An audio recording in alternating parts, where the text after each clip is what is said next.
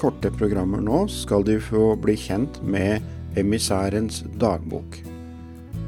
Det er eh, Kari Margrethe Rensel Løvgren som eh, leser ifra denne dagboken og disse historiene. Det blir ti programmer, og nå får du det første.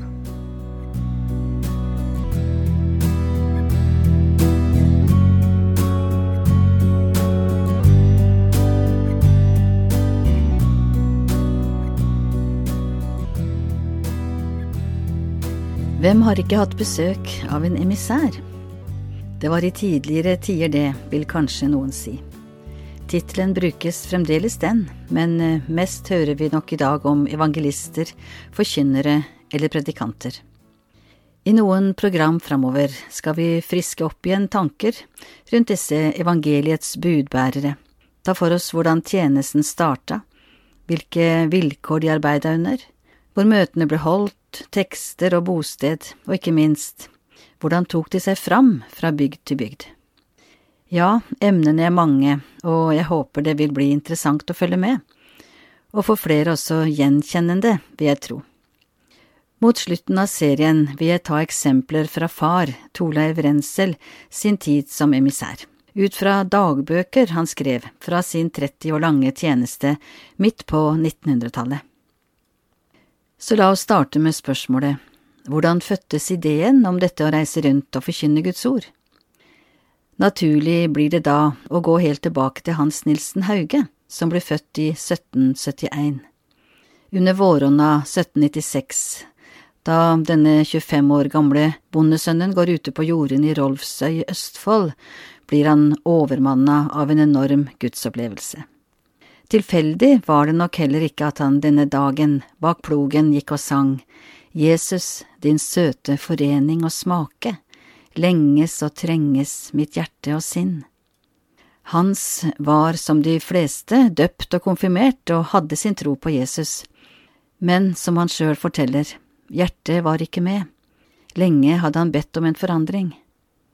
Dette er hva han eh, videre gjengir fra denne vårdagen. Mitt sinn ble så oppløftet til Gud at jeg ikke sanset meg. Ingen kan ta fra meg dette. Mitt sinn var nytt. Jeg sørget over alle synder og kjente en sterk trang til at menneskene skulle få del med meg i samme nåde. Da den unge Hauge kom hjem fra Våronna den kvelden, var han ikke til å kjenne igjen, står det å lese i hans memoarer. Han lyste av forløst glede og talte begeistrede ord om Guds kjærlighet. Ja, det var et guddommelig marsjordre han hadde fått denne dagen. Slik opplevde han det, og spurte Jesus hva han skulle si. Du skal bekjenne mitt navn for menneskene, sa han, formane dem til å søke meg mens jeg finnes, kalle på meg når jeg er nær, og røre ved deres hjerter, så de kan omvende seg fra mørket til lyset. Personlig evangelisering kan vi vel si at dette dreide seg om.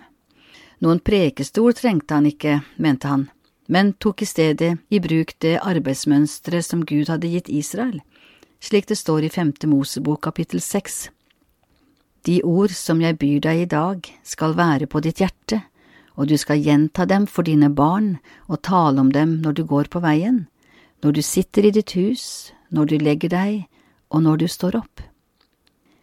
Evangeliet måtte ut til folket der de befant seg, og dette var en helt ny tanke. Men ingenting ble lettkjøpt for den unge Hauge, især når det gjaldt den store trangen til å dele evangeliet om Jesus utover i landet. Et evangelie som måtte få spire hjertet til den enkelte, og der det viktige var at liv og lære fikk gå hånd i hånd.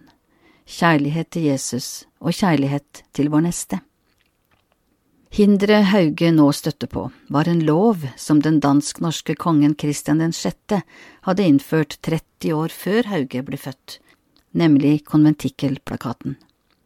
Denne 17-punkters lange loven forbød nemlig lekpredikanter, altså de uten teologisk utdannelse, å avholde gudelige forsamlinger.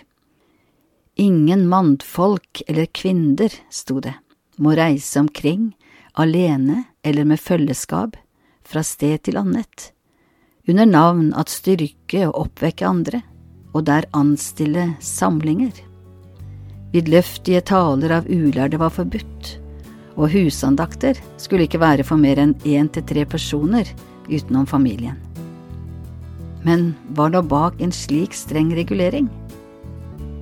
At kampen for frihet til å holde gudelige forsamlinger, som det het, skulle vise seg å bli både lang og smertefull, ja, det skal vi høre mer om i neste program.